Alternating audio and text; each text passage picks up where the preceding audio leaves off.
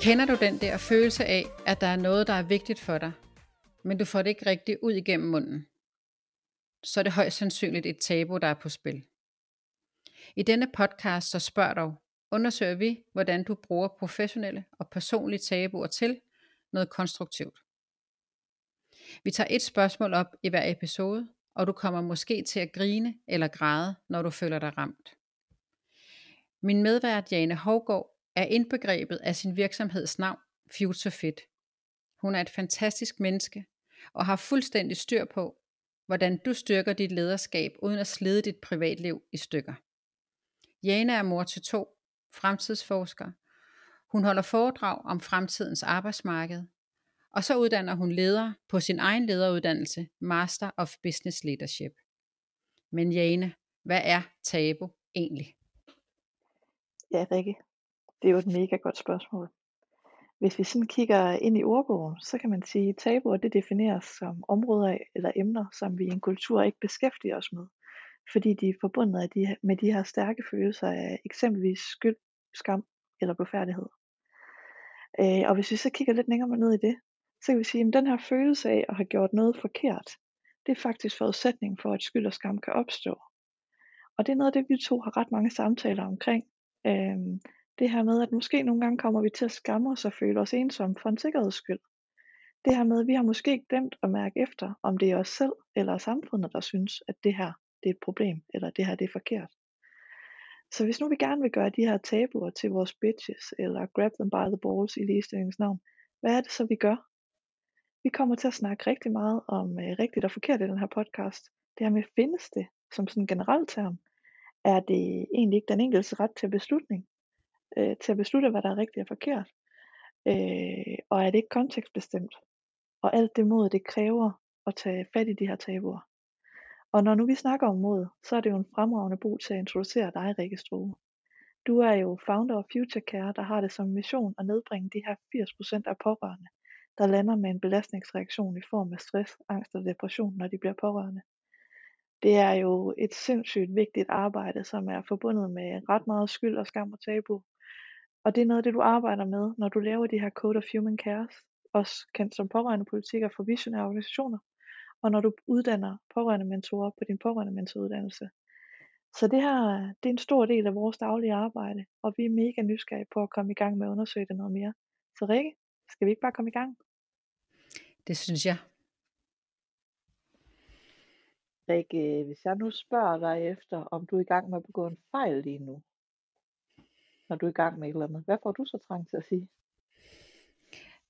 Ja, jeg får trang til at sige det, tror jeg da ikke, jeg er, Jane. Nej, jeg, jeg, jeg, når jeg sådan kigger rundt øh, på mig selv og min omgangskreds, så tror jeg faktisk i hvert fald, det er svært for mig at kigge og se nogen, der sådan vil sige, ja, godt du siger det, det tror jeg sgu da er. Altså jeg tror, at, at det, det, vi, det andet afsnit, hvor vi snakker om det her med, går det godt, at så er det en rygmavsreaktion at sige, fint. Og det der med, når vi er i gang med et eller andet, og der så bliver spurgt, er, er du i gang med at begå en fejl lige nu, så er det også rygmave at tænke, nej, fordi så vil jeg jo ikke være i gang med at gøre det. Øh, jeg, jeg tror, der er et eller andet i det der med, at, at det vi er i gang med, altså som vi har sat i gang, kan være enormt svært at slippe. Øh, og det tror jeg kan være en kilde til ret mange fejl, at vi ikke lige får stoppet det, eller får tænkt os om, og så sagt, det der jeg er i gang med lige nu, giver det mening, eller hvis der endda kommer nogen og spørger, hvad er meningen med det, der bliver gang i? Lukker jeg så ned, øh, fordi nu skal jeg lige have ro til at arbejde, eller stopper jeg rent faktisk op og tænker mig om, og prøver at svare på det der svar? Og der kan man sige, der, der tror jeg virkelig, der ligger et tabu i det der med, men jeg er jo ikke sådan en, der laver fejl. Hmm. Men det tror jeg, øh. du har fuldstændig ret i. Og jeg, øh, altså også den der med, altså, når så, at jeg har indset, at jeg har lavet en fejl, så erkende og sige højt, eller sige til nogen, ja, jeg har fejlet. Ja. Altså, den, den, er, altså den, den kan jeg godt mærke, at den er, øhm, den ligger sgu hos mig. Så jeg kan ja. godt erkende, hvis jeg har lavet en fejl, men det er blevet nemmere for mig med årene, og også at, at, at fortælle det, og, og man kan sige, at nogle af de LinkedIn-opslag, jeg skriver, der skriver jeg faktisk også om det i dag, men det er noget, jeg er trænet i at gøre. Ja. Øh, det er ikke noget, der ligger på rygmagen, at, øh, at jeg bare, eller på ryggraden, at jeg bare lige siger, ja, ja, jeg har fejlet, eller accepterer det. Det er det ikke. Så jeg tror, der ligger noget tabu der, om det er skyld og skam. Jeg tror godt, der kunne ligge noget skam bag i forhold til det, øh, til det her med at erkende. Jo, men jeg tænker også, at vi er inde i det der meget sådan snævre succeskriterie igen, som samfundet har skabt, fået skabt af. Hvornår passer du ned i kassen? Hvornår er du, øh, hvornår er du rigtig? Hvornår har du succes? Øh, og, og det her med, når vi løser en arbejdsopgave, så skal den også gerne være fejlfri. Altså det der med, du hører jo ikke ret mange ledere. Altså der er jo nogle af dem, der begynder nu og så siger, at jamen, vi skal fejle, vi skal fejle os fremad. Øh, jeg tror, det er Google, der siger, at, at 20% af deres ting skal fejle. Altså, ellers så sætter de ikke bare en højt nok. Men det er jo ikke det, der er det normale kutume, i hvert fald i de dele af erhvervslivet, jeg kommer i. Der har vi stadigvæk den der med, nu skal vi lægge den rigtige plan første gang og eksekvere den, og vi, og vi skal forsøge at undgå at lave fejl. Og jeg kunne godt tænke mig, at vi sådan ligesom vendte lortet på hovedet og så sige, okay, men hvad er det, der sker, når vi laver fejl? Altså det der med, det er jo ikke fejlen i sig selv, der er et problem, fordi fejlen er jo bare et eksperiment der i situationstegn mislykker, men er jo også en enorm kilde til læring. Så det der med, at, at jeg tror, jeg lever, forsøger at leve mit, mit liv efter det der mantra af, at det er først en fejl, når du begår det to gange i træk. Altså første gang du fucker op i noget, så er det ikke en fejl, så er det bare en mulighed for at lære. Men hvis du så begynder, altså bliver ved med at lave den samme fejl igen og igen, så er der jo et mønster, så er det jo fordi, du ikke lærer det. Og nogle gange så tænker jeg også, når universet de sender os udfordringer, eller det der med, at det her det bliver ved med at drille mig, jamen så er det for fanden, fordi du kan lære den lektie, du skal lære endnu. Altså. Og så tror jeg, der er meget sådan, der, der er to vinkler i det også på en eller anden måde. Fordi jeg tror, at vi er meget opmærksomme på, og vi bruger rigtig meget tid på at dyrke følelsen af at have fejlet. Det kan i hvert fald, altså det der med, at, at hvis du som jeg er deleforældre, der er følelsen af at have fejlet i at have skabt en familie og holde den familie sammen, den er jo alt overskyggende. Altså, og du bliver jo også konfronteret med den hele tiden, når dine børn siger, mor, jeg savner far, eller hvorfor kan dig og far ikke bare være kærester? Og altså det der med, jamen det var sgu da ikke det, der var planen. Altså, dengang du startede det der forhold op, og du valgte at fik de der børn, der var det jo ikke det, der var planen. Altså, der var planen, nu er det dig og mig, og vi skal have de her børn, og så skal vi leve lykkeligt. Øh, bagefter. Og jeg tror, der er meget i det der med at erkende, ja, det, det var en drøm, der bræst, eller det var, øh, vi har begge to begået fejl. Og nu står vi her, men at så kunne tilgive sig for den fejl, og så sige, okay, når jeg så går ind i en ny relation, hvordan undgår jeg, altså, hvordan er jeg så blevet klogere, hvordan undgår jeg, at mit parforhold fejler en gang mere, for eksempel. Nu, det, det er bare sådan et meget øh, relevant eksempel for mig, fordi det ikke er så gammelt. Altså, så det, det er i hvert fald en af dem, hvor jeg, hvor jeg virkelig har haft den der følelse af at fejle. Det kan også være, når vi er selvstændige, at det der med, jamen den der periode, inden du begynder at tjene nye penge, eller inden du begynder at tjene penge, hvor du sidder i den der med, fuck man, er det mig, der er noget galt med? Fejler jeg?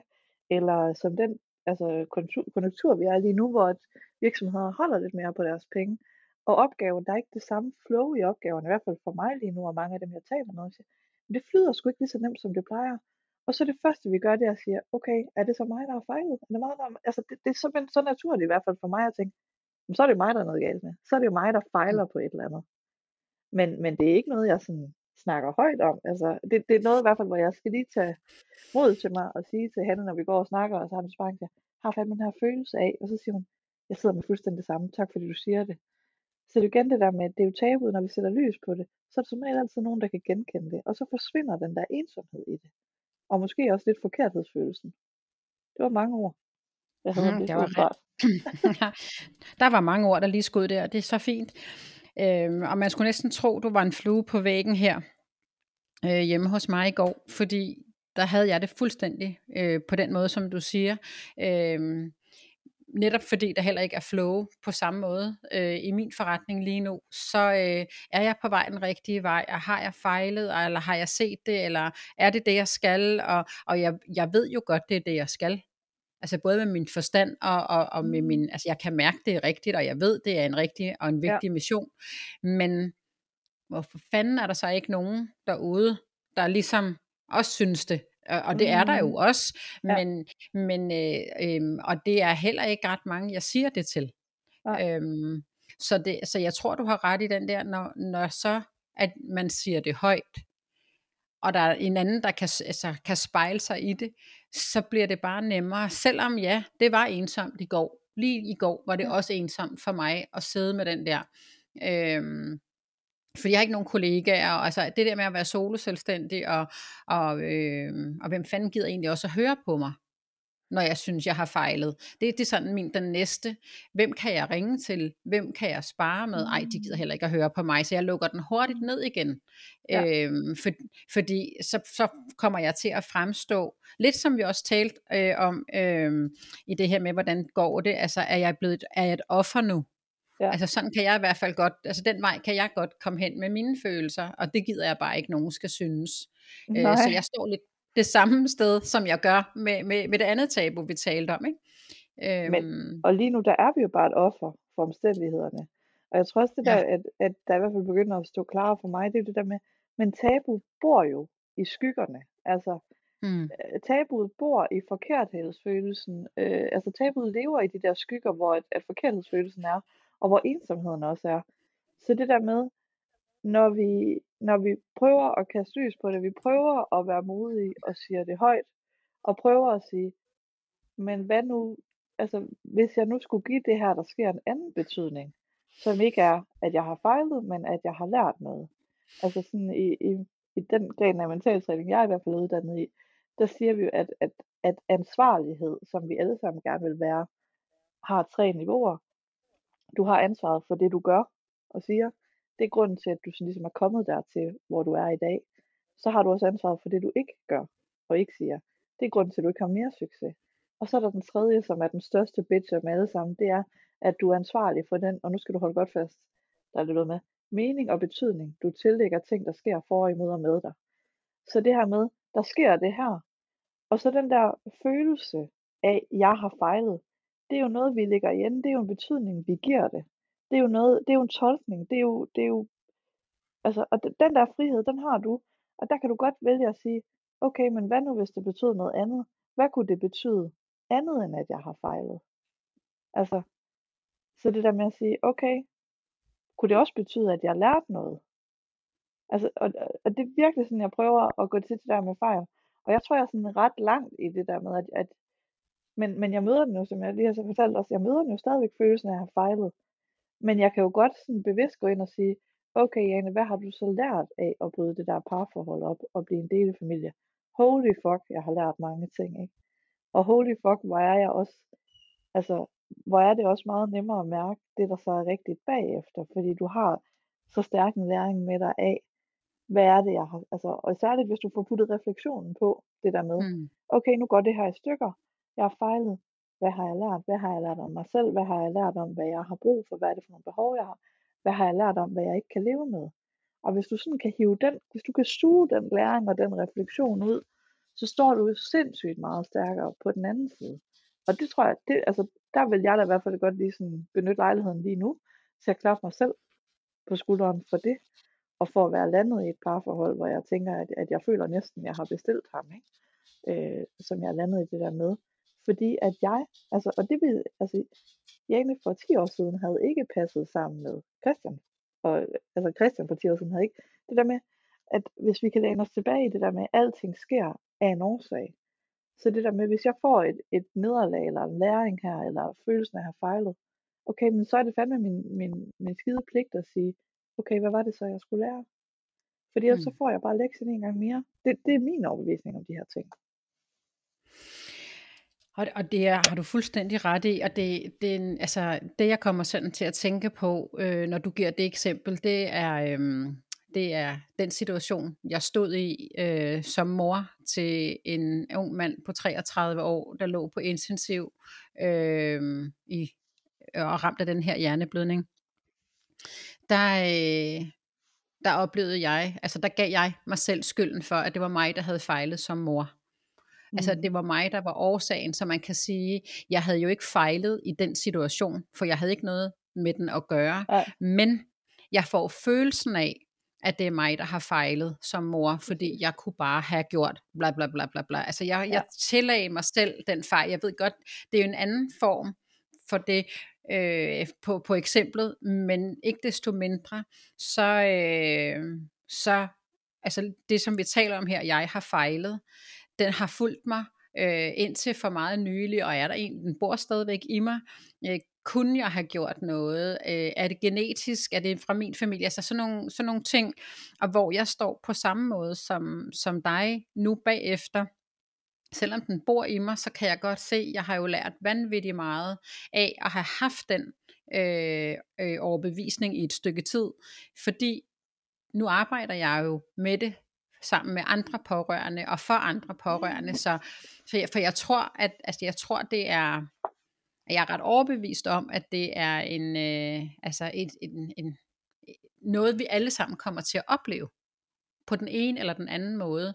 Nu kommer du med et eksempel fra dit privatliv, og det gør jeg også, øh, men, men det sker jo lige så meget ude på arbejdspladserne, og der sker det måske i virkeligheden øh, oftere, fordi der, bliver det måske, mere, ja. der er det måske endnu sværere at, øh, at tale om det, eller finde nogen at tale med det om. Fordi når man så kommer hjem, øh, og man har jo det der fede arbejde, man er jo den der mellemleder, der bare mm. har de der mm. fede medarbejdere og så videre, så skal man jo ikke lige gå hjem og sige, men jeg fejlede, fordi jeg kom til at gøre sådan og sådan ved en rekruttering, mm. eller ved en afskedelse, eller hvad det måtte være. Så, øh, så jeg tror også, at... Øh, at vil vi nu også sætter lys på den her, så, så, øh, altså, så igen skal vi jo tilbage til vores intro. Vi skal træne det her. Vi skal finde en kravlegård mm-hmm. og træne det i. Ja. Øhm, ja. Jo, og det der med, jeg arbejder jo lige nøjagtigt med det der mellemleder, og, og der kan jeg bare konstatere, at langt de fleste virksomheder er der jo også en kultur af, at det der, det snakker vi ikke om. Så det der med, mm. hvis man sidder som, som leder i en virksomhed, hvis man siger, hvis du begynder at lave de der rum, eller de der møder, hvor vi siger, okay, i dag skal vi så snakke om, hvornår vi har fejlet, og hvad vi har altså lært af det. Det bliver sindssygt ubehageligt i starten, for der er ikke nogen, der har lyst til det. Men det der med, det, det, det sted, hvor du så typisk ventilerer for det, det er jo ved at gå hjem til partneren med det.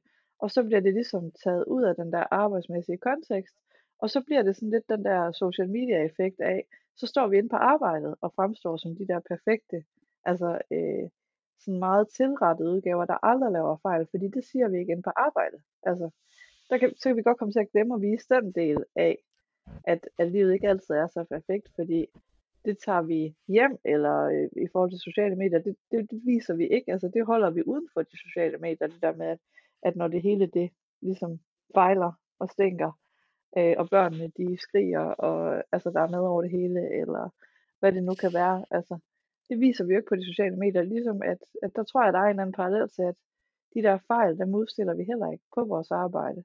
Og så bliver kulturen jo sådan en lille smule øh, tilrettet, eller i hvert fald ikke sådan helt repræsentativ for virkeligheden.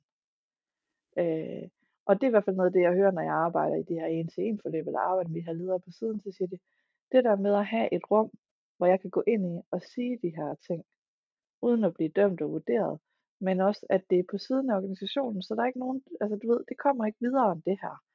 Så jeg tror også, der ligger en eller anden angst i det der med, hvad siger de så om mig, hvis jeg indrømmer, at jeg har fejlet?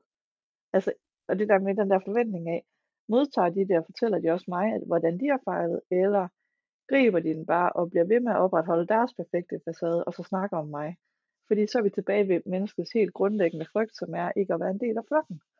Så det der med, det er virkelig nogle farlige dynamikker, hvor at, at du skal have maksimal psykologisk tryghed i bund og grund for at bruge det koncept, hvis du skal i gang med at arbejde med de organisationer. Men det er langt fra umuligt. Det kræver bare nogle ledere, der går forrest i det. Og det der med, når vi siger bare, så er det, så er det, så er det langt fra det nemmeste i verden. Men, men det er i hvert fald et rigtig godt sted at starte, og så måske også som leder at gå forrest med det. Altså, hvor jeg kan sige, det kunne i hvert fald hjælpe rigtig mange af de mellemledere, jeg arbejder med, øh, som er sindssygt dygtige, men som lige nøjagtigt ikke har det der at, at følelsen af, at der er plads til at fejle. Følelsen af at, at komme på arbejde og sige, fuck, det har bare været en lortemorgen, så hvis jeg er off, så, men, altså, men vi må godt komme tilbage og sige, komme ind og sige, det har været den bedste weekend, og altså, vi har været i forop, eller Tivoli, og du ved, perfekte mor eller far, øh, og, og så, hvad er det, vi ikke får fortalt? Ja, men vi er jo tilbage til, at du siger det også i det her med at være perfekt, hvor at, øh, altså da jeg startede min anden podcast, der er jeg redigeret og redigeret og redigeret og redigeret og redigeret, mm. og så redigerede jeg lige igen, fordi jeg, jeg ville være den perfekte, det skulle være den rigtige lyd, og jeg, ja. altså, og hvor jeg var nødt til at træne mig selv i, at nogle gange, så er det bare perfekt at være uperfekt. Nogle gange, så er der en hund hos gæsten, der gør. Nogle gange, så er det min egen hund, der gør. Nogle gange, så bliver døren åbnet eller lukket, eller en kop bliver sat på bordet. Men så er det midt i, at du siger noget rigtig vigtigt, ja. så det skal ikke klippes væk. Og så har ja, jeg det også sådan lidt, jamen, godt, ikke? Lige præcis. Og, øh, og, jeg, og jeg ved, fordi der er flere, der har nævnt det over for mig, at bare det, jeg er begyndt at i tale sætte, altså det, jeg er perfekt, når jeg også er uperfekt. Mm. Så kan man se næsten skuldrene, de, de, øh, altså de falder på det, man står overfor. Selvom at det også er et professionelt så, altså kontekst, så er, det, så er det bare nemmere at være til stede i, øh, i et fællesskab, når, når den dagsorden også er sat. Ikke? Så, så, øhm... Jo, og det der med, at du, og du giver lov til, at her er vi bare hele mennesker. Altså, ja. at det ja. der med, at, at vi sidder heller ikke her og har scriptet, hvad fanden er det, altså, og mange gange, så siger vi, jeg ved sgu ikke, hvor den her samtale kommer til at gå hen, og så nej, nej, men det må vi jo så bore i, og så se, hvad vi finder ud af. Øh, ja. Og så tage den derfra, og det ender jo altid godt, altså, fordi det har vi valgt, at uanset hvad, så er det nok, som det skal være.